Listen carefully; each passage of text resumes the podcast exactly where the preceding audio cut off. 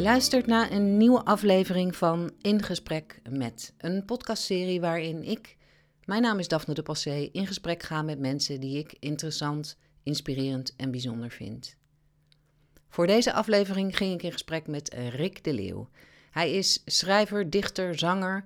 Hij presenteert, produceert muziek en nog veel meer. Ik denk dat ik nu eh, de helft heb genoemd van wat hij allemaal doet en kan. En hij doet dit alles met plezier ook nog. Je gaat luisteren naar een bijzonder gesprek over het zout en peper van zijn bestaan. Over het leven in deze, ja, ik noem het toch maar even coronatijd. En de invloed daarvan op het maken van muziek, op samenwerken en op je eigen identiteit. Over klein geluk, groot geluk, de afwezigheid van verdriet, de zin of zinloosheid van ons leven. En vooral ook over het betekenis geven aan ons leven. Dit gesprek vond niet plaats bij mij thuis aan de keukentafel, ook niet bij Rick thuis in België. Want het is niet mogelijk even in deze tijd. En daarom troffen we elkaar online. Ik in Amsterdam, Rick in zijn woonplaats Hex in België. Nou is online in vele opzichten niet ideaal, ook audiotechnisch gezien niet. Dus de geluidskwaliteit is niet wat je van deze podcast gewend bent, maar goed. We moeten wat in deze tijd. Uh, het is wat het is. En de inhoud is meer dan de moeite waard. Ik wens je heel veel luisterplezier. Zullen we maar gewoon beginnen, hè? Yep. Want daar zitten we dan, uh, Rick. Uh, virtueel tegenover elkaar. Het, alle mooie plannen zijn in duigen gevallen. Bij mij aan de keukentafel, maar er was nog een mooie plan. Namelijk bij jou in het Wonderschoon Heks. Dat en daar zit jij nu wel. Ja. Ja. Zit jij in jouw opname studio kamer? Beschrijf eens waar je zit als je wil. Ik zit nu in de, in de huiskamer. Uh, in de huiskamer. De opname studio die bevindt zich aan de andere kant van de tuin. De tuin is zo'n uh, eh, 30 meter diep en daar achterin staat het, het atelier, wat nu het atelier is, was vroeger een, een duivenkot. Uh, overwoekerd door de uh, klimop toen we hier kwamen. Duidelijk uitgewoond door de duiven die daar waren blijven wonen. Het dak was ingestort. Het was een, een, een vieze, beslijkte derry. de wanden waren, waren vochtig geworden, zompig. Het was te vies om aan te raken. Dus ik of je haalt het weg, of je maakt het heel grondig schoon. En dat hebben we gedaan. Toen een nieuw dak gelegd. Een kleine uitbreiding. En daar is uh, uh, nu plek voor Maartje om te werken. Die is schilder. Kunstschilder. Maartje is je vriendin, vriendin, voor de luisteraar. Ja. ja. ja. En, en ik heb, dingen. Ja, dat is meer voor de kijkers. Ja, dat is meer voor de kijkers. En, uh, en ik heb daar een, een kleine, uh, vrij provisorische geluidsopname-ruimte voor mezelf. En dat, dat is eigenlijk een hele prettige plek en een uitkomst gebleken dit jaar. Maar dat ben ik nu niet. Ik ben nu in de, in de, in de huiskamer, dus aan, aan deze kant van de tuin, in de, in de woonkamer. Ik kijk nu uit op uh, de boekenkast. Um, daar staan ontzettend veel boeken waar ik met steeds grote verbazing uh, van bedenk dat ik dat allemaal ooit gelezen heb. Dus, uh, Want je hebt het ook echt gelezen allemaal. Ik heb ontzettend veel gelezen, ja. En ja. Uh, ik vind het nog steeds wel leuk om te doen, lezen. Maar het, het enthousiasme waarmee ik dat toen gedaan heb, dat is nu dat, dat is bijna niet meer voor te stellen. Dat, ik moet oh. daar jaren lezen van in het algemeen, bedoel je? Ja, ik vind het nu, nu gelukkig weer leuk lezen. Ik heb het een tijd lang uh, uh, voor Zin, het blad waar ik tien jaar in, grote interviews voor geschreven heb, heb ik ook vrij veel schrijvers mogen interviewen. En ja. ter voorbereiding op die interviews ga je boeken lezen van die schrijvers. Maar je hebt er niet veel tijd voor. Je moet eigenlijk in korte tijd het oeuvre van uh, Charles Lewinsky of van, uh, van Cees Notenboom of van Gerrit Komrij. Nou, daar heb ik al toevallig al wel veel van gelezen. Uh, van Jonas Jonasson uh, doorspitten. Dus je, je moet een hele korte tijd moet je, uh, grasduinen in dat oeuvre van die mensen. Waardoor je eigenlijk het plezier in lezen verschuift naar zo snel mogelijk zoveel mogelijk informatie binnen proberen te trekken. En dat is een, een zeer economische manier van lezen. En daardoor verdwijnt dat plezier wat je kan hebben aan lezen naar de achtergrond. En, want, want zocht jij ze zelf uit of kreeg je een, een schrijver toebedeeld, zullen we maar zeggen? Um, deels mocht ik ze zelf uitzoeken, maar als John Irving in het land was en hij uh, werd gestrikt door de redactie van Zin, of de uitgeverij uh, stelde voor om, Lewin, uh, om, om Irving aan mij te koppelen, dan, dan was het eigenlijk wel stom om nee te zeggen. Dus dan, dan denk je, wow, ik mag John Irving doen. Ja, daar heb ik oh, wel ja. gelezen, maar dan moet je ook zijn laatste boeken lezen. Dat zijn weer niet zijn beste boeken. En dus, maar dat zijn de boeken waarvan je weet dat hij erover wil praten, omdat dat voor hem het meest, meest recente en ook het meest nabijliggende boeken zijn. Dus dan moet je toch verdiepen in die, in die werken. En dan merk je dat, dat je dat niet vanuit een plezier leest, vanuit ik mag lezen, maar een tijdsdruk. Ik moet dit nu lezen, want ik moet toch daar vier of vijf uh, intelligent lijkende vragen over stellen. Voelt het ook een beetje als werk dan meer? Dan wordt het werk, ja. En dat is zo... Want je moest dus ook dingen lezen, veel lezen, wat je misschien zelf helemaal niet zo heel interessant zou vinden. Um, ja, het stomme met, met bijvoorbeeld met Irving. Um, ik wist dat hij een paar boeken in Amsterdam had laten afspelen. Dus dacht, wauw, hij komt naar Amsterdam. Uh, dat is een, stad die hij in meerdere boeken heeft uh, als decor gebruikt.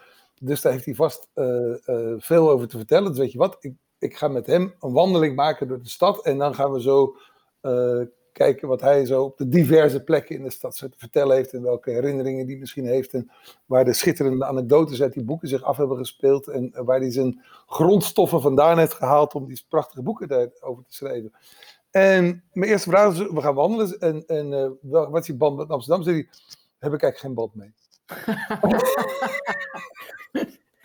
dus toen uh, moest ik in de, in de lobby van de Grand dat hotel, moest ik overschakelen op plan B. Dat ik niet, niet echt had. dus ik stond er. Oké, okay, wil je dat uitleggen misschien? en dan blijkt ook dat je. Uh, uh, dat je, je kan, ik kan redelijk Engels, maar improviserende wijs zo een gesprek een 180 graden doen kantelen, terwijl je ondertussen koortsachtig gaat nadenken, wat ga ik, wat ga ik dan doen? Ja. Dan blijkt je Engels toch minder uh, flexibel te zijn. Die, die, dat maakt niet dezelfde bocht als jezelf dan. Ben je eerst heel lang naar de wc geweest, of niet? Nee, ik, ik, ik, ik neem al mijn, uh, al mijn interviews op. En het gehakkel die vier minuten, dat is, dat is echt hilarisch. Je, je had echt heel erg mazzel dat het geen podcast was. Ja, ja, ja, ja. ja. Nee, maar dat, dat, goh. Dus ik, ik was heel blij, want ik, de beste boeken van Irving zijn onwaarschijnlijk goed. Hè? Dat, daar heb ik echt van genoten. Maar zijn minder goede boeken zijn echt gewoon niet, niet zo heel sterk. Nee, En, en, en de man was ook, dat vertelde hij ook, uh, dat hij eigenlijk alles wat hij doet, uh, wat hij leeft, uh, hoe die, ook hoe die in zijn relatie staat met zijn vrouw, met zijn kinderen, met zijn wereld om zich heen. Alles staat in het teken van de schrijver Irving. Dus op het moment dat, dat hij met een boek bezig is, dan zit hij volledig in dat boek. Dan, dan, dan moet hij ook in Rome zijn om te zien hoe dat voelt, om, om te proeven, om te zijn, te ruiken. Dan moet zijn hele gezin mee naar Rome en dan zit hij daar een maand. En die mensen die hebben, ja oké, okay, die zitten ze daar. Die vinden het tof om in Rome te zijn, maar die hebben nooit hun vader of een man bij zich dan. Want hij is met dat boek bezig. En dus ja. dan is Rome ook niet meer interessant, want dat is grondstof geweest. Dus, ja. en, dus Rome kent hij alleen maar van de, van de papieren bladzijden die hij volgeschreven heeft over die stad. Ja. En is weer weg. En zo is hij met, met alles. Dus ook met, met de interviews die hij doet. Dus je kan heel moeilijk op een op een, op een niveau komen wat je eigenlijk voor een interview graag wil hebben. Die man heeft gewoon zijn verhaal en dat, dat verhaal neemt hij mee naar de, naar de plekken waar hij komt. En dan zit, toen zat ik een uur tegenover hem. Ja. hey, want je, want je, je zei, ik eh, tien jaar uh, voor zin geschreven, geïnterviewd en geschreven. Nu niet meer? Is dat gestopt? Ik ben dat uh, twee jaar geleden, ik had dat tien jaar gedaan. En dat was wel een goed moment om eens na te denken of ik dat nog, nog een keer tien jaar wilde doen. En op een gegeven moment heb je het toch een beetje uh, gehad.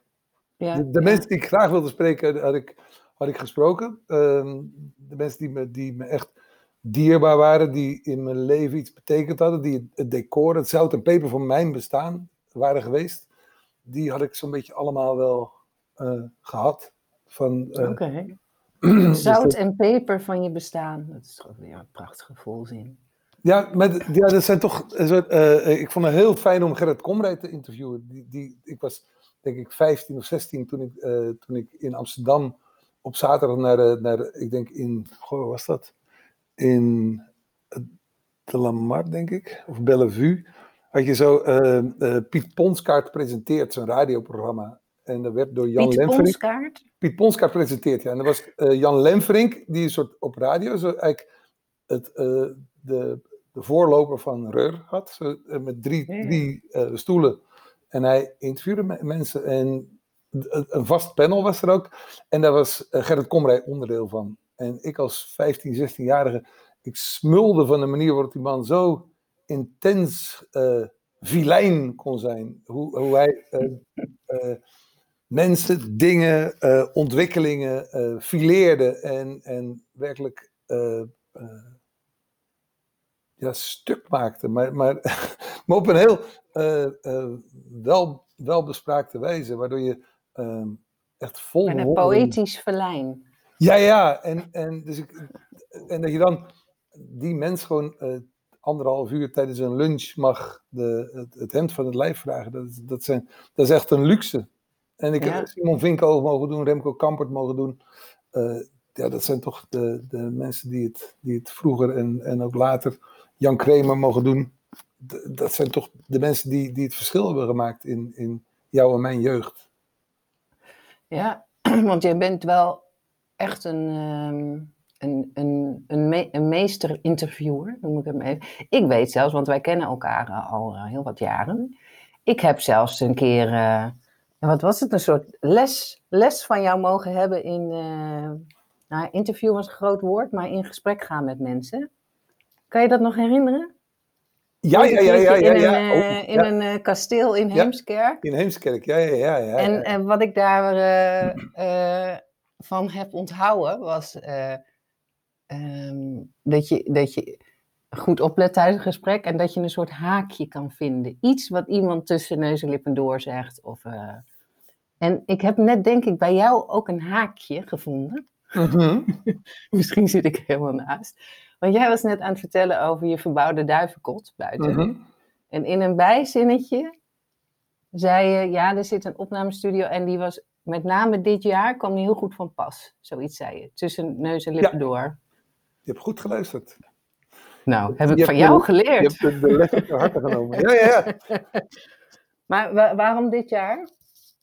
Vanwege uh, onze, onze coronamaatregelen? Ja, ik wilde eigenlijk een, een, uh, de eerste podcast zonder het woord corona doen. Laten we het COVID noemen. Ja, ja COVID-19. uh, eigenlijk was 2020 uh, voor mij als zanger een, een, een oogstjaar. Wat in 2019 een goede CD uitgebracht, zonder omweg. Ehm, we hadden een tournee door België gedaan en een tournee door Nederland. En vooral die tournee in Nederland was uh, boven onze verwachting goed bezocht geweest. Um, en die had eigenlijk een, een tweede tournee opgeleverd. Dus veel zalen wilden ons terug hebben en nieuwe zalen boekten ons omdat ze zagen dat er uh, uh, voldoende publiek was om, uh, om te kunnen spreken van een, van, een, van een vraag. Dus het is niet zo dat je het boekt en zegt, kijk maar wat komt. Nee, dat, dat trekt volk. Dus daar was ik heel blij mee. Dat we grotendeels ook op eigen kracht weer gedaan. Dus uh, trots. En die tournee, die, die in, in het voorjaar zou van start gaan, in maart, die werd in één klap uh, uit de agenda geveegd. En niet alleen ik had daardoor eigenlijk opeens een heel voorjaar vrij, maar ook de muzikanten waarmee ik die tour zou doen. die zaten thuis duimen te draaien. En in, in België was de lockdown veel strikter dan in Nederland. Uh, je mocht eigenlijk uh, op een gegeven moment niet eens meer uh, verder dan 25 kilometer van je huis op de fiets. Een bizarre oh, maatregel. Ja. hoe, hoe je dat ook denkt te gaan controleren was volstrekt onzinnig. Maar de niet-essentiële verplaatsingen, waar, dus je moest een brief hebben om ergens heen te mogen rijden. Dus ik heb op een gegeven moment mocht ik in, ik weet dat ik in de lockdown voor een tv-interview naar, ik denk dat ik naar Geel moest. Dat is zo 70 kilometer hier vandaan. En toen moest degene die mij uitgenodigd had een brief naar mij sturen met een stempel van de burgemeester dat ik daarheen mocht. Voor het geval ik door de politie zou worden aangehouden onderweg. Dus het was een enorm strikte, dat is in Nederland niet voorstelbaar hoe strikt het was. Wij moesten naar, naar een, een begrafenis in Nederland.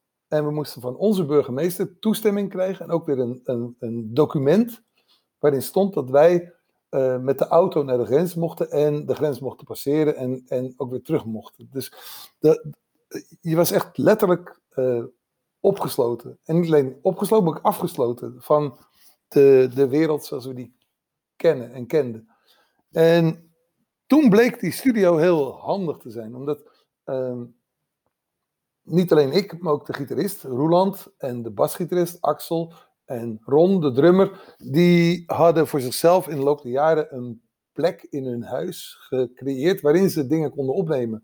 Dus de, de liedjes waar wij al aan begonnen waren te schrijven, die konden we uh, zonder elkaar te zien, uh, zeg maar, digitaal uh, over en weer sturen. En daar, dat iedere muzikant zijn ding toevoegde aan het basisidee. En dat, um, dat was niet ideaal, want het is als je met z'n uh, met z'n vijven, met z'n zessen naar een studio mag om daar een paar dagen uh, de nummers op te nemen die je van tevoren hebt geschreven en voorbereid, dan gebeurt er altijd iets, iets extra's. Dat, dat, um, er gebeurt iets, iemand speelt iets en iemand dan zegt, ah, nee, dat wat je net speelt, doe dat nog eens. Ah ja, en, en ah, dat doe, dan komt er iets organisch. Je maakt het echt met elkaar.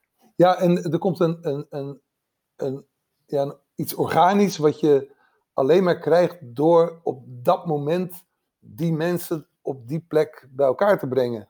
Doe dat met dezelfde mensen een andere dag, of doe met dezelfde mensen op een andere plek, dan komt er iets anders uit. En dat is, dat, is, dat is magisch. En als dat goed gebeurt, dan pak je een moment wat je nooit meer kan beleven. En is maar goed dat het opgenomen is en dan, dan is dat voor de eeuwigheid uh, gestold. En, ja. en nu waren we gedwongen om, om op een hele andere manier te werken, omdat dat, dat unieke, dat organische, dat konden we niet doen. Dus moesten we daar iets anders voor in de plaats stellen. En dat is een manier van werken die ik nog nooit had uh, hoeven doen. Uh, ook niet vanuit van nature uit had um, voor zou hebben gekozen. Maar het heeft me ontzettend veel geleerd over, over muziek, over um, samenwerken, over um, geduld hebben. over, ja, omdat wat, wat, heeft het je geleerd over, over muziek bijvoorbeeld? Of over samenwerken? Uh, Geduld snap ik meteen. Ja, ja, ja. Dat, dat, dat, is voor, voor iemand die eigenlijk gewend is om in een studio zo uh, uh, opbouwen, instellen van het geluid. En dan de eerste keer dat je, dat je met z'n allen een klank maakt. Dan voel je al, wow, er gebeurt iets. En, mm -hmm. en dan, dan is het wachten op het, op het moment. We, als wij in de studio nummers opnemen, is het zelden dat we meer dan drie of vier takes gebruiken. Omdat je weet, in de eerste take, ah, daar, ah, moet ik op letten. Tweede take, oh, daar kan ik het beter. En de derde, kun je, dan, dan heb je mij al, omdat je weet dat iedereen naar datzelfde uh, punt toewerkt waar je, waar, je, waar je met z'n allen heen wil. En als het dan gebeurt, dan weet iedereen onmiddellijk, ah, dat is hem, omdat je dat, dat, voel, dat, dat dingetje, dat, dat, die sfeer of die, die chemie voelt. Waarin ze, ah, kijk, nu begint het te smelten. Nu reageren dingen op elkaar. Nu, uh, dat is interactie die je, die je vangt.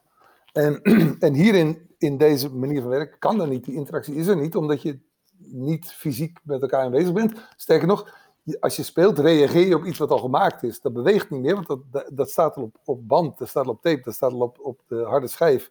Dus dat, ja. je kan alleen maar daarop reageren, maar dat, dat, daar komt geen, dat is niet twee weg. Dat, dat is, uh, je kan alleen maar toevoegen.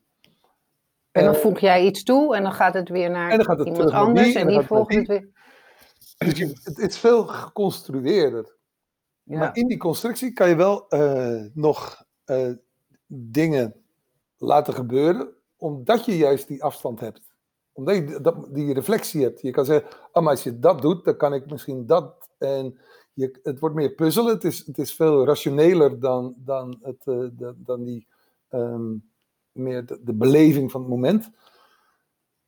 Maar het is wel heel interessant, omdat je, je opeens ook kan horen wat er gebeurt in de verschillen die, die je maakt. Dus als ik zo doe of zo doe of zo doe, dan gebeuren dan pak je drie afslagen, drie verschillende afslagen. Maar omdat de rest uh, gefixeerd is, omdat dat, dat beweegt niet, kan je ook heel in detail voelen wat, wat de verschillen zijn. En wat het effect is als je het op die manier doet in plaats van op die manier.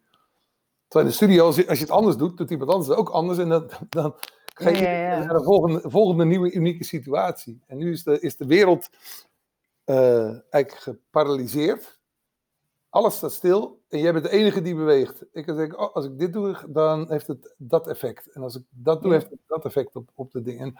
En, dat, dat was voor iedereen was dat een, een, een, een ontdekking.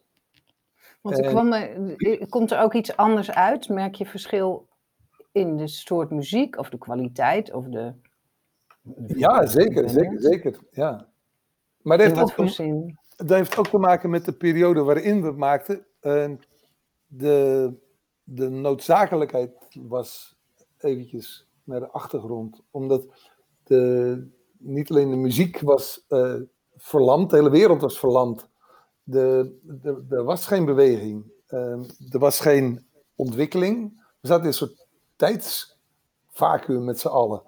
Dus je kon eigenlijk van alles proberen, omdat het toch niet, het maakte toch niet veel uit wat je deed. Je wist ook niet uh, wat we ermee zouden gaan doen. Het was niet, als we dat lied zo spelen, dan kunnen we het misschien daar in de set live gaan.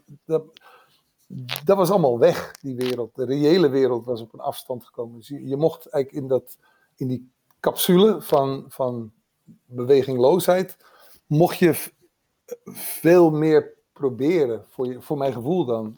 Dus ja. ook textueel en, en in melodie en in klanken. Zo, ach, wat maakt het laat me gewoon maar doen. We hebben, we hebben toch alle tijd van de wereld. Dus uh, probeer, doe maar eens wat. En is het, is het daardoor echt anders geworden? Wat, wat vind je daar anders aan? Uh, ik denk dat, dat ik uh, uh, textueel wat fragment, fragmentarischer is het woord, denk ik, geworden. Zo, er zit minder verhaallijn en meer korte observaties in die tekst. Wat eigenlijk wel uh, spannend vond om te doen. Um, en dat, had ook iets existentieels bijna, omdat je, je wordt in zo'n, in zo'n lockdown, waarbij je eigenlijk alles wat je graag doet, maar ook alles wat jouw identiteit definieert, dat wordt van je afgenomen, of dat, dat wordt on hold gezet, dat wordt dat, vol in de handrem. Dus je wordt terug, teruggeworpen op, op wie je werkelijk bent. En dat is gewoon iemand die. Van je identiteit, wie je bent ten opzichte van anderen. Als, als, in, als je concerten geeft, als je voor televisie dingen doet, als je in je interactie met anderen. Ja, je, je, je, zeker als, als zanger of als artiest, of als, je bent bij de gratie van de ander. En als die ander er niet is, dan, dan ben je opeens, uh, dan wordt je identiteit niet langer bepaald door de dingen die je, die je doet of de dingen die je, hoe je reageert, hoe je, uh, hoe je, uh, hoe je in interactie met mensen bent. Je, wordt zo, je bent opeens weer terug bij je wezen. En Ja, dat is niet altijd. dat is voor sommige mensen. dat was, en dat zag je ook voor, heel, voor sommige mensen, heel, heel bedreigend, heel ehm, confronterend. En ik denk dat het. ehm, ik, vond de, ik had de luxe om dat heel spannend te vinden. En om te kijken wat, wat dat met me deed. En, en ook wat dat met tekstschrijven deed en met muziek maken deed. En, en, en in hoe je met zo'n rare situatie geconfronteerd, hoe je daarop reageert. En ehm, ik denk dat, dat voor mij was het, eh, en dat is nog steeds zo, als je niet goed weet hoe je met de situatie om moet gaan, denk ik dat het heel verstandig is om te kijken, eh, hoe wil je over vijf jaar terugkijken op je gedrag in een situatie als deze? Oké. Over vijf jaar, dat is best ver weg ook, hè? Dat is een abstractie, hè? Ja, ja. Maar- Maar hoe je naar jezelf kijkt, in hoe, hoe je het hebt gedaan of wat je Ja. hebt gedaan. Ja, ja. Oké. Met, het, met het idee of je vindt dat je het goed hebt gedaan, of dat je trots kan zijn op jezelf, of dat, hoe moet ik het zien? Ehm, ja, in, in die termen ga je dan denken. Zo, ehm, word je iemand die redeloos boos wordt omdat hem iets afgenomen is? Of eh, word je een, eh, een geslagen mens die, die willoos alles over, over zich heen laat komen? Word je eh, boos? Trek je je terug in jezelf? Er zijn heel veel manieren waarop je kan reageren daarop. Ja. En- en, ik, en er zijn zoveel emoties en, en gedachten die, die loskomen en die je moeilijker kan ventileren. Eh, omdat je inderdaad niet wordt bijgestuurd door een omgeving die toch een dempende werking op je kan hebben. Zo, een avond hier in het dorp naar het café kan heel verhelderend zijn. Zo, dat, dan hoor je opeens jezelf dingen zeggen. Nee, Rick, dat, dat is niet helemaal. Uh, overdenk dat nog maar eens. Toch, die, die, die, als je die reflectie mist, dan, dan kunnen dingen wel op hol slaan. Dat, dat, de, de wereld is daar dit jaar een bewijs van. Eh, Wat, als je ziet hoe dat op Twitter en op Facebook en overal zo volledig ontspoord is geraakt. Omdat mensen eigenlijk niet die, eh, die demping van hun omgeving voelen. Mhm. Of de afleiding van de omgeving. Ja, ja of deze, oh ja, maar het is, ehm, ja, zo de, de, de bloeddrinkende elite, de, de- dat soort rare theorieën, die kan je toch alleen maar eh, volhouden als, als een, een half jaar niemand tegengas geeft. dan kom je toch achter deze, oh ja, dus, ik bedoel met het idee dat, dat, dat de internationale elite bloed drinkt van, van eh, kleine kinderen of iets, ik weet het niet precies, van baby's geloof ik, om eeuwig jong te blijven. Dan ik, kijk één foto van Hillary Clinton en je ziet dat dat niet werkt in ieder geval. Dus Ja, dus je, je kan ook tijd te veel hebben, bedoel je, om, om na te denken. ja, dus- dus Tijd kan ook je fantasie een beetje... op hol slaan, ja. Dus, Ja, dus ja, probeer, probeer een, eh, eh, die, als je die demping niet vindt, hoe ga je daarmee om? Denk je, als je dan over vijf jaar in ieder geval eh, terugkijkt en je denkt, oh, ik ben- niet hele rare dingen gaan zeggen opeens, of hele rare dingen gaan doen, of heel ehm, ehm, achter een kar aan gaan, ren- gaan rennen, waarvan ik wist dat dat niet mijn kar was. Dus het geeft eh, ehm, rust, zo'n zo'n beeld. En binnen die ehm, rust, eh, alles wat komt, gaat ook weer, wel weer weg op een gegeven moment. Dus gedraag je de komende weken of maanden in zo'n lockdown zo. eh, zorg dat je niet onderdeel van het probleem wordt. Ja. Eh, Maar er is natuurlijk wel een eh, lockdown. En toen, ja, in België is het natuurlijk iets anders dan in Nederland gegaan. Maar er is een, een tijd, was het soepeler, hè? Toen dachten wij ook, we kunnen fijn een podcast in eh Hex gaan opnemen. hadden we het maar en gedaan. toen kwam die weer. Hadden we het maar, ja, toch, hè? Hadden we het maar gedaan. Ja, toen, nou, toen was er ook al gedoe. Als in niet, niet noodzakelijke reizen was er volgens mij toen ook al. Maar toen dacht ik, nou, deze podcast kan ik nog wel als noodzakelijk beschouwen. Ja. maar eh, Ja, toen, ik, ik weet niet meer wat het... Volgens mij moest je je laten controleren bij de grens of er was iets. Was in ieder geval al... maar het was even soepeler. Ja. Dus dan, dan kom je misschien weer een beetje in een modus. Volgens mij zou jij ook weer allemaal concerten gaan doen. Ja. En dan, en dan komt het weer. Dus dan, dan, als je in de reflectie terug zou kijken, dan, dan zit er denk ik wel een soort golfbeweging in. Ja, dus de, de, de tournee die we in het voorjaar zouden doen, die is uh, eigenlijk uh, vrij soepeltjes verplaatst naar het najaar, de, de periode waarin we nu zitten. En die is een maand geleden is dat ook allemaal weer uit de agenda geveegd. En dat is nu weer verplaatst naar eind, dus najaar 21. Oh, dat is wel heel ver weg. Luister. Deze zucht is wel mooi om die hier even te placeren. Ja, ja, ja. Dan draai ik het volume even extra hard bij die zucht. Het is uh, uh, lastig om, omdat die eerste lockdown, waarin we uh, echt veel songs geschreven hebben, veel songs opgenomen, die gaf ons ook het, het gevoel en het plan om die nummers mooi op te nemen, te mixen, te masteren, hoesje eromheen. En dan kunnen we in het najaar, de tournee die uitgesteld was, kunnen we onder een, een nieuwe vlag brengen. Namelijk, we hebben een nieuwe cd. Dus we hebben eigenlijk de tijd die we gekregen hebben, hebben we zo goed besteed, dat we nu in plaats van een, een encore van onze, van onze vorige tournee, eigenlijk hebben omgeturnd in een gehele nieuwe tournee. Met een nieuwe cd en nieuwe songs en alles nieuw. Dus kom kijken, want we zijn uh, zeer geïnspireerd bezig. Ja. En daar waren we ook.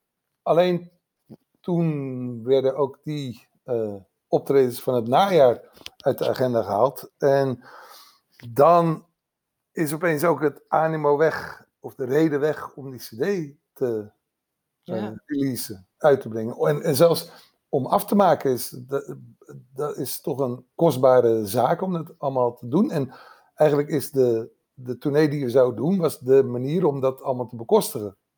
Ja. Als dat niet doorgaat, dan is die investering ook niet doenbaar. Maar, maar toch zei je um, ergens aan het begin uh, dat je het wel een periode vindt van oogsten, terwijl ik denk voor dat mij meer als zaaien, zeg maar. Ja, nee, ja dat, dat, uh, dat zou het moeten zijn, maar eigenlijk je hebt oogsters en je hebt zaaiers, denk ik, in het leven. En, en, en, ik, ben toch meer, ik vrees dat ik meer van het zaaien dan van het oogsten ben. Ja. ja. Oh, dat is wel interessant, ja. Oh, ik denk dat ik ook wel meer een zaaier ben. Ja, weet ik ook eigenlijk niet. Ja. Oh ja. ja maar jullie hebben um, um, wel, en ik, en ik weet die titel natuurlijk niet uit mijn hoofd. Er was één nummer aan het begin van de corona. Die um, jullie ook heel uh, innovatief met een mobiele telefoon ergens uh, rondom Hex hebben opgenomen. Ja. Wat, is, wat is de titel? Dat is echt uh, enorm lang. Ja, ja, ja. de titel of is het een ondertitel? Nou, we wilden het als, als hoofdtitel doen, maar dat was voor de, voor de radio iets te hoog gegrepen. dat past ook niet op Spotify en zo, hè? Ja, ja dus dan hebben we toch maar een, een het heet nu de anatomie dat is een, een, logisch woord. En dan gaat eigenlijk de. de um, anatomie? De anatomie van ons verdriet. Ja, je ziet het of je ziet oh. het niet. Ja, ja. En wat was de eerste titel? Want die vond ik zo geweldig. Die kon je gewoon op een tegeltje. Iets met de, de onzichtbare ledigheid of zo? Nee, ik, zal, ik, zal eventjes, uh, ik zal de hele tekst eens even bij, bijpakken. Dan uh, zal ik daar wat uit. Um, we gaan hem sowieso ook even, even draaien. Hè? Ah, dat is tof, ja. Ja, ja, ja. Nu gaan we, zullen we hem eerst even luisteren? En dan uh, gaan ja, we daarna ook verder praten. Wauw, je bent een, eh, een, een volledige podcast-rettenkatette. Goed. Het, het, klinkt bijna als radio, hè? ja, helemaal even, tof, helemaal tof. Misschien uh, kan jij hem even aankondigen, Rick, het lied. En dan zetten we hem daarna in. Ja, het lied heet Anatomie en de subtitel luidt: Hoe zal ik vandaag het leven weer eens verzoenen met dit pertinent besef van oneindige ledigheid.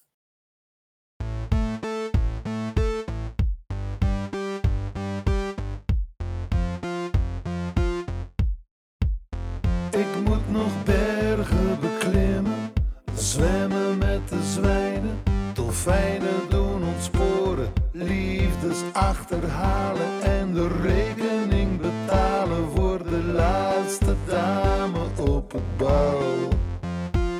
Oud wil je wel worden, maar niemand wil het zijn. Nee, niemand wil het zijn. Het kleine wordt vertrappeld, het grote wordt gekraakt. Vergeet de goede raad die je van mijn moeder kreeg. En het voelt vreemd vandaag, een steen op mijn maag. Nee, ik vraag het niet graag, maar ik heb werkelijk geen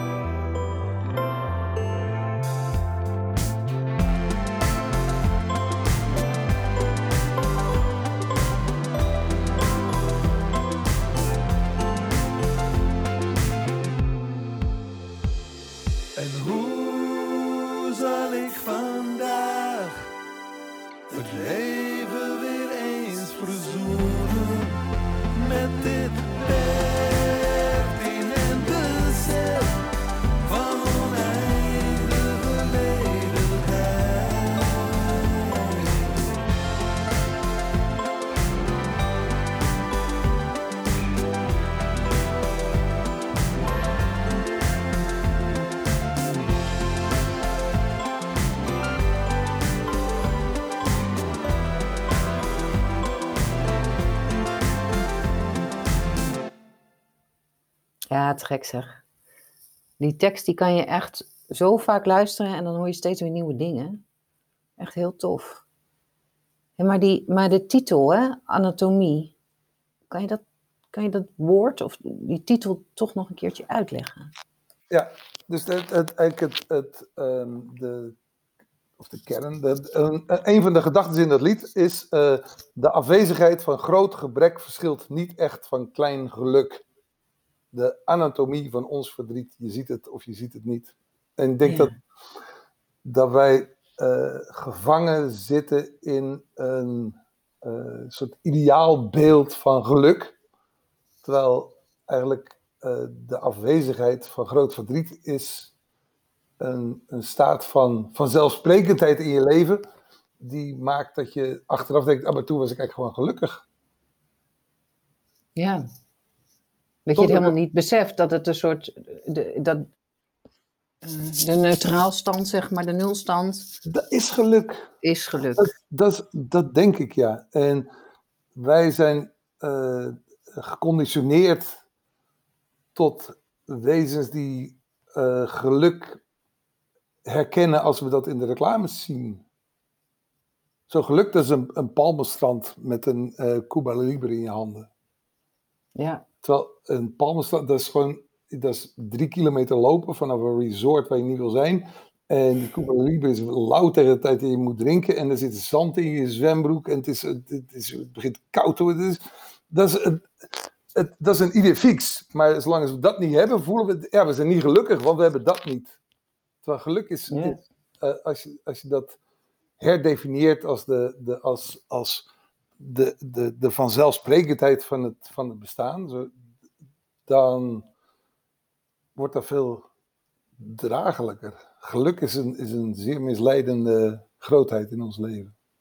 Maar hoe heet het dan als je eh, bijvoorbeeld, jij hebt eh, voor deze podcast kwam jij eh, van de fiets, je hebt gefietst, je fietst heel veel.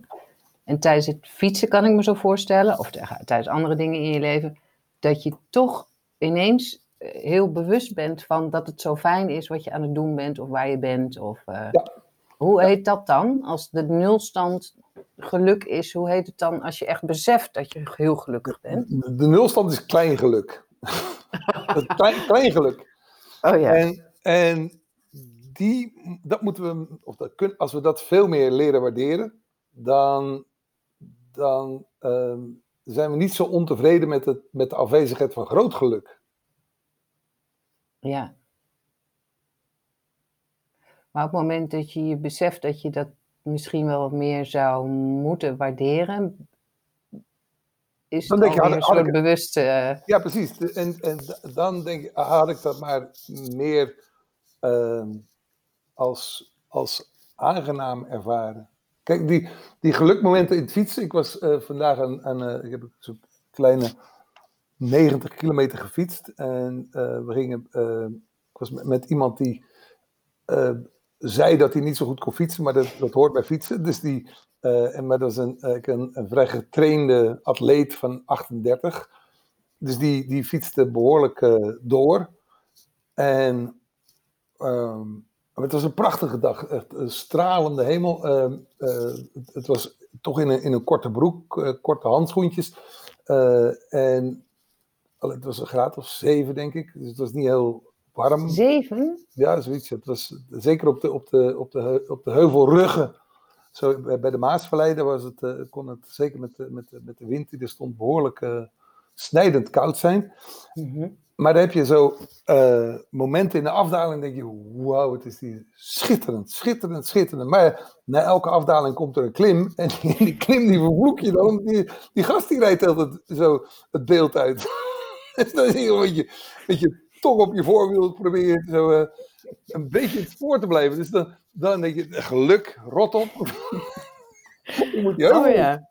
Dus dat, dat hele, hele fietsen in, eh, in het gebied rondom jou, dat is eigenlijk gewoon een continue afwisseling van klein geluk, groot geluk en Ja, algehele en malaise.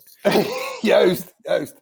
En, Ah. en die malaise, dat is, dat is een zelfverkozen malaise. En dat is het fijne van zelfverkozen malaise, is dat die eh, tijdelijk zijn. En dat daarna het gevoel van eh, het overwinnen van dat soort kleine tegenslagen enorm weldadig voelt. En inderdaad nu de warmte die door mijn kuiten trekt nu. eh, het feit dat ik net een, een, een, een heerlijke pasta heb gegeten. want Ik heb echt honger had toen ik thuis kwam. Die, dan voel je, wauw, dit is, eh, dit is weer aangenaam. Ja, Dus, dus die, je- dat is eigenlijk een heel wonderlijke manier van geluksmomenten creëren. Zo een, een heuvel oprijden, jezelf vervloeken en daarna denk je, ja, maar je hebt het wel gehaald. Dus nou ben je weer blij. Is, onnozeler wordt het niet. Maar dat, dat is, eigenlijk zijn dat de, de eh, voor een, daarmee eh, kan je de ledigheid van het bestaan een beetje aan. Als je de, de eh, zoals ik er toch redelijk van overtuigd ben dat het leven een volstrekt zinloze aangelegenheid is. Dus een bijzondere samenkomst, maar er zit geen hoger doel achter. Er is geen, eh, we zijn hier ter aarde geworpen met geen andere reden dan dat twee voor ons ter aarde geworpenen ehm, de liefde bedreven hebben. En ja, en dat, dat doe je ook een tijdje. meer, meer zit er niet. Ik vrees, ik vrees dat er eh, alles wat, wat je kan doen om er meer betekenis aan te geven, dat is in het hier en het nu. En daar kan je, eh, daar zijn heel veel mogelijkheden voor. En dat is niet alleen eh, een, een, heuvel op fietsen en daarna blij zijn dat je weer naar beneden mag. Maar dat is eigenlijk proberen er voor de mensen die met jou die 70, 80, weet ik hoeveel jaar door moeten, om dat op een aangename manier voor elkaar te maken. En vooral voor iemand te zijn die het even wat minder makkelijk heeft, of die, die wat zwaar heeft, of die uh, heuvel op even een, een, zetje nodig heeft, of een, of een, een bemoedigend woord. En daarmee geef je ook je eigen leven een meerwaarde, een zin, een betekenis. Want die is er niet van buitenaf. Dat moet je zelf creëren. Ja, jij doet best veel uh, uh, projecten en dingen voor mensen die wel een zetje kunnen gebruiken. Als in ehm, het ventiel, toch? Ja, ja, ja, ja. ja, ja. Dat is ook op een, op een, op een berg geboren. Het ventiel is het, heet niet voor niks het ventiel. Dat is, uh, ik denk zeven jaar geleden, mocht ik met Te Gek, dat is een organisatie in België die probeert het taboe rond de geestelijke gezondheidszorg te doorbreken. Fietsten we in Frankrijk de Mont Ventoux en de Alpe d'Huez op in het teken van uh, jongdementie. Dus mensen die een uh, diagnose dementie krijgen voor hun 65ste, zijn, uh, dat zijn mensen met jongdementie. en ik had eigenlijk nog nooit bij stilgestaan dat die ziekte ook al op jongere leeftijd kon toeslaan. En we reden in Frankrijk om die problematiek onder de aandacht van het grotere publiek te krijgen. In het spoor van de Tour de France ook een paar uh, calls uit de Tour van dat jaar op en af. En ik reed daar samen met, uh, met Patrick, een van de mannen met jonge mensen, in mijn leeftijd. En een, een intelligente vent die een tof uh, sociaal leven had gehad, die een goede baan had, leuke kinderen, leuke vrouw, huis, alles ging goed. Totdat de dingen die hij altijd deed niet meer vanzelf gingen en steeds moeilijker gingen. En de dokter dacht eerst, oh, dat is een burn-out, of dat is een depressie, of een midlife crisis. En pas na een paar lange, lange maanden waarin ze zochten naar wat de oorzaak kon zijn van het feit dat eigenlijk niks meer lukte, kwamen ze erachter, bij, redelijk bij toeval, dat dat, uh, dat, dat de eerste stadia van, van, van dementie waren. En als je dat op je, op je vijftigste te horen krijgt, terwijl eigenlijk je hele leven in opgaande lijn is, dan, dan stort je hele wereld in dat was bij Patrick ook gebeurd. Die heeft daar een, lange depressie aan overgehouden. En door het fietsen is hij eigenlijk voor het eerst uh, weer de, de zonzijde van het bestaan gaan zien. Omdat hij, eigenlijk nadat hij een, al twee jaar lang uh, alles wat hij kon uit handen had moeten geven, opeens iets wat hij nog nooit had gekund, presteerde. Hij was nog nooit op een fiets een berg opgereden. En opeens stond hij op eigen kracht bovenop de Mont Ventoux dat was voor hem een, een keerpunt in hoe hij naar die ziekte moest kijken. Of ging kijken. Hij keek niet langer naar de dingen die hij niet langer kon. Maar hij keek naar de dingen die hij kon uh, herwinnen op zichzelf en op die ziekte. En uh, hij ging kijken in, in wat er nog, naar wat er nog wel kon, wat er nog wel mogelijk was. Dus toen hij uh, terugkwam uit Frankrijk, belde zijn vrouw Goedroen mee op. Het is onwaarschijnlijk wat er in Frankrijk gebeurt. Want hij doet weer terug mee in het gezin. Hij doet weer mee in het, in het huishouden. Dat gaat allemaal niet zo makkelijk, maar hij, hij probeert weer dingen. Hij doet mee in de afwas. Hij, hij, hij is weer vrolijk. We horen zijn, zijn lach weer, weer klinken in het huis. Dat hadden we twee jaar niet gehoord. De kinderen nemen hun vrienden weer mee naar huis. Want die deden dat ook niet meer, omdat er altijd zo'n boze, donker, donkere wolk op de, op de bank zat. Dus dat leven in huis begon terug op gang te komen. Dus dat is een enorme kentering in, in, in het leven, niet alleen van Patrick, maar ook van zijn vrouw, van zijn kinderen, maar ook van de familie, van de buren, van de, van de vriendenkring die die, waar hij zich van afgesloten had. Dat heeft een impact gehad op misschien wel 100 of 200 mensen. En toen dachten we, wat we voor Patrick kunnen doen, dat moeten we ook voor uh, andere mensen proberen te faciliteren. Te kijken hoe kunnen we mensen uit die neerwaartse spiraal halen door een activiteit te organiseren, waardoor ze weer gaan voelen dat ze nog wel meetellen, dat ze nog wel uh, uh, iets naast die ziekte met hun leven kunnen doen. En dat is nu, uh, zes jaar later, is dat een, een, het ventiel, waar nu eh, dat is een buddywerking rond mensen met jonge mensen, waar nu zo'n 85 mensen met, met jonge mensen bij aangesloten zijn. De, alle dagen zijn er activiteiten. En een kleine 100 buddies uh, organiseren daar op, op vrijwillige basis elke dag die dingen. Het is een fantastische club mensen. En dat levert voor, voor, voor duizenden mensen een, een enorme verlichting in hun bestaan. En het is heel fijn als je, als je dat kan uh, faciliteren, als je dat kan helpen maken. Eigenlijk, uh, wat wij doen is, we helpen mensen andere mensen te helpen.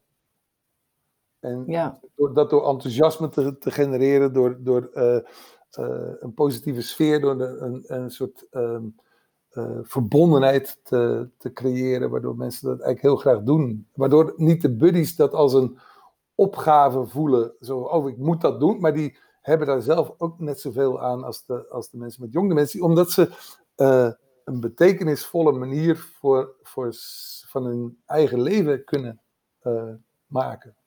Ja, mooi. En fiets je ja. nog steeds ook vaak voor ze, voor dat project, of was dat... Ja, ik ben het nu uh, sinds zes jaar ben ik, ben ik, voorzitter. Dus dat betekent dat ik um, onmiddellijk heb afgesproken dat we, niet vergaderen. uh, ja, dat heeft uh, uh, dat we ook geen clubhuis willen hebben. Um, dat, omdat we, kijk, we willen niet vergaderen omdat we, we willen eigenlijk zo min mogelijk organisatie zijn. Omdat organisaties hebben altijd de neiging om zichzelf te organiseren. Want een organisatie die moet toch een, een pen en met, met zijn naam erop en briefpapier en allemaal van die, van die dingen. Terwijl bij ons gaat, we willen de expres niet, omdat we eigenlijk alle uh, geld dat we verzamelen voor het ventiel, dat gaat naar de activiteiten die, die we organiseren. Voor de, dus we proberen zo transparant mogelijk alle uh, fondsen, werving, um, direct te laten worden. Die wordt, wordt direct omgezet in geld dat we nodig hebben om activiteiten te verzorgen. Belangrijk voor ons vinden we de, de verzekering van de buddies. Die moeten, die moeten niet, um, als er iets onverhoopt misgaat, persoonlijk verantwoordelijk zijn voor de dingen die mis zijn gegaan. Dat, dat, dat is on, oneerlijk ten opzichte van die mensen. Dus dat soort dingen moet je regelen. En voor de rest uh, probeer zo, uh, zo fijn mogelijk met elkaar dingen te doen. En daar hoort vergaderen gewoon niet bij. Dus als, we, als er iets belangrijks is, dan doen we dat liefst waar de mensen bij zijn. Dan horen ze ook wat, wat de, de redenen zijn en wat de, de, de, afwegingen zijn. Dus als er een vergadering moet zijn, zeg kom, we doen een barbecue met z'n allen. En dan, dan worden de dingen die belangrijk zijn toch wel besproken.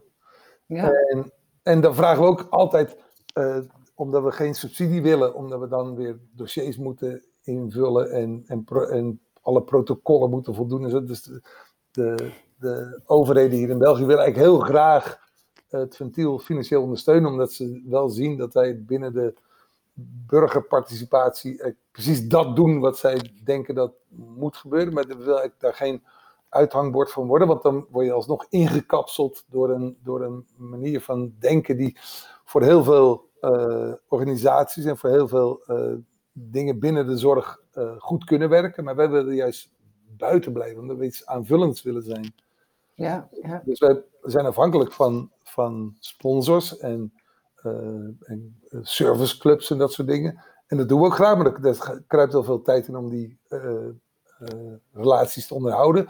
En zeggen altijd, je mag geld doneren, maar je moet komen kijken wat we met je geld doen. en dat, dat geeft namelijk een betrokkenheid, dat, dat dat geld geven, dat is, dat is dat is heel makkelijk. Hè? Die geld kan iedereen met veel winst, die kan geld storten. En die krijgt soms belastingvoordelen, waardoor het verstandiger is om het weg te geven dan het zelf te houden. Dus dat is een heel makkelijke manier van, uh, van wel doen van de Garitas. Dus ja, je mag er wel geven, maar je moet wel komen kijken wat we mee doen. Want het is voor ons heel belangrijk op het moment dat een bedrijf of een, een, een, een zaakvoerder uh, ziet wat er met dat geld gebeurt, dan raakt hij meestal ook emotioneel betrokken. En die emotionele betrokkenheid is veel interessanter. Dus je, als je, stel dat is een, een, een, houtbedrijf, dat wil graag 1000 euro storten. nou weet je, wat doe je met je resthout? Kunnen we dat niet gewoon krijgen? Anders dan, dan hebben we 1000 euro. Dan gaan we naar jou zeggen, mag ik hout kopen? Maar dat hout, we hebben geen hele pla platen nodig. Gewoon een beetje knutselen met, met brol. En als je dan toch uh, dat hout komt brengen. En je hebt twee werknemers die dat. Uh, laat die dan eens een middag uh, lekker boren en zagen. En kijken hoe dat allemaal werkt. En voor je het weet hebben we er weer drie buddies bij. Ja, Op zo'n manier. Want we willen zo, zo, zo verankerd mogelijk zijn in de samenleving. Daar hebben we ook geen clubhuis, omdat in een clubhuis dan zet je die mensen apart. En we willen juist niet apart. We willen uh, dat de mensen zich uh, binnen de maatschappij kunnen bewegen. Dat, dat ze er deel van uitmaken, dat ze erbij horen. Voor hun is die lockdown, was de eerste lockdown heel zwaar. En de tweede lockdown nu is ook weer uh, enorm moeilijk, omdat um, alle activiteiten die we doen, dat zijn gezamenlijke activiteiten. Dus die mensen die hebben enorm veel vriendschap en, en, en uh, verbroedering met mensen die in dezelfde situatie zitten. Zowel de mensen met jong dementie als hun partners. Die, voor hun partners is dat uh, zeker zo belangrijk. Dat, dat, dat die paar uur dat de club uh, dingen organiseert, zijn de enige uren vaak die zo'n partner voor zichzelf heeft. Om eventjes snel de dingen te doen die toch al moeten gebeuren. Of eventjes een kop koffie drinken met iemand. Of, of gewoon zelf iets voor jezelf doen. Want het is een enorme opoffering die mensen moeten getroosten om een partner met uh, jong dementie de hele dag te verzorgen. Dus voor, voor die partners, die zijn nu ook terug, teruggeworpen op zichzelf. En die moeten nu dus weer 24 uur op 24 in één huis zitten met iemand die niet snapt dat je een mondkapje op moet hebben. En dat je, uh, die moet je iedere keer uitleggen. Nee, je mag elkaar niet vastpakken. Ja. Terwijl die, als je je verbale uh, uh, communicatie wegvalt door die, door die ziekte, dan heb je weinig meer dan iemand even vastpakken. En als ze dan iedere keer moeten uitleggen, nee, dat mag. Nee, nee, nee, dat mag niet. Nee, dat mag niet. En een kwartier later zien, nee, nee, dat mag niet. Die, die snappen dat niet. Die willen dat niet snappen. Die denken, laat mij die lekker vast. Dat is, maar dat, dat is Patrick, die wil ik vastpakken. Snap je die? Ja, ongelooflijk hè? Ja. Die zijn nu enorm op zichzelf teruggeworpen. Die, die uh, zitten nu weer 24 uur per dag gewoon binnen, thuis. Zonder, zonder de contacten die ze eigenlijk nodig hebben om, om verlichting te geven aan hun bestaan. Dus dat, is heel, heel, heel zwaar.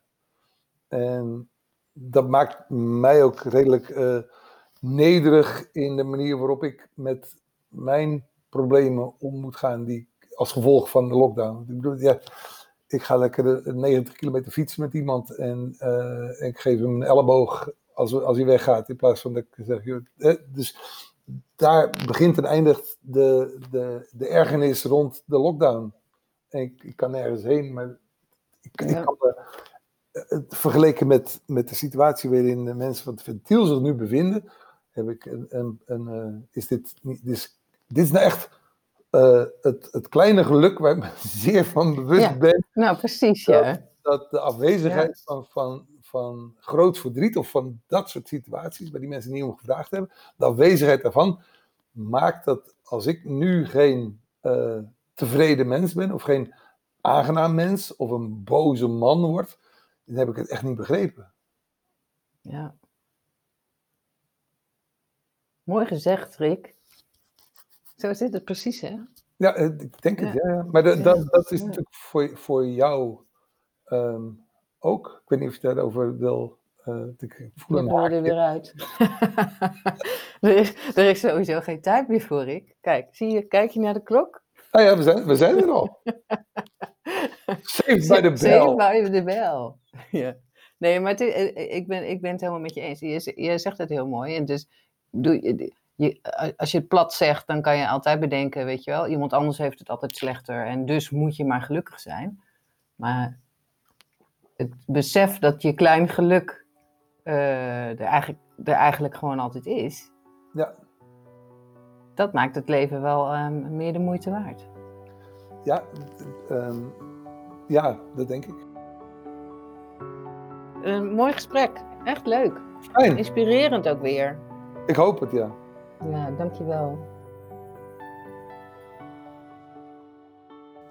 Ja, dit was de vierde aflevering van In Gesprek met, met hele grote dank aan Rick de Leeuw. En we hadden echt nog uren kunnen doorpraten. En ik kan me zo voorstellen dat er nog wel eens een deel 2 gaat komen met Rick. Als het eh, aan mij ligt tenminste. Uh, de clip die bij de muziek Anatomie hoort, is zeker de moeite waard om te bekijken.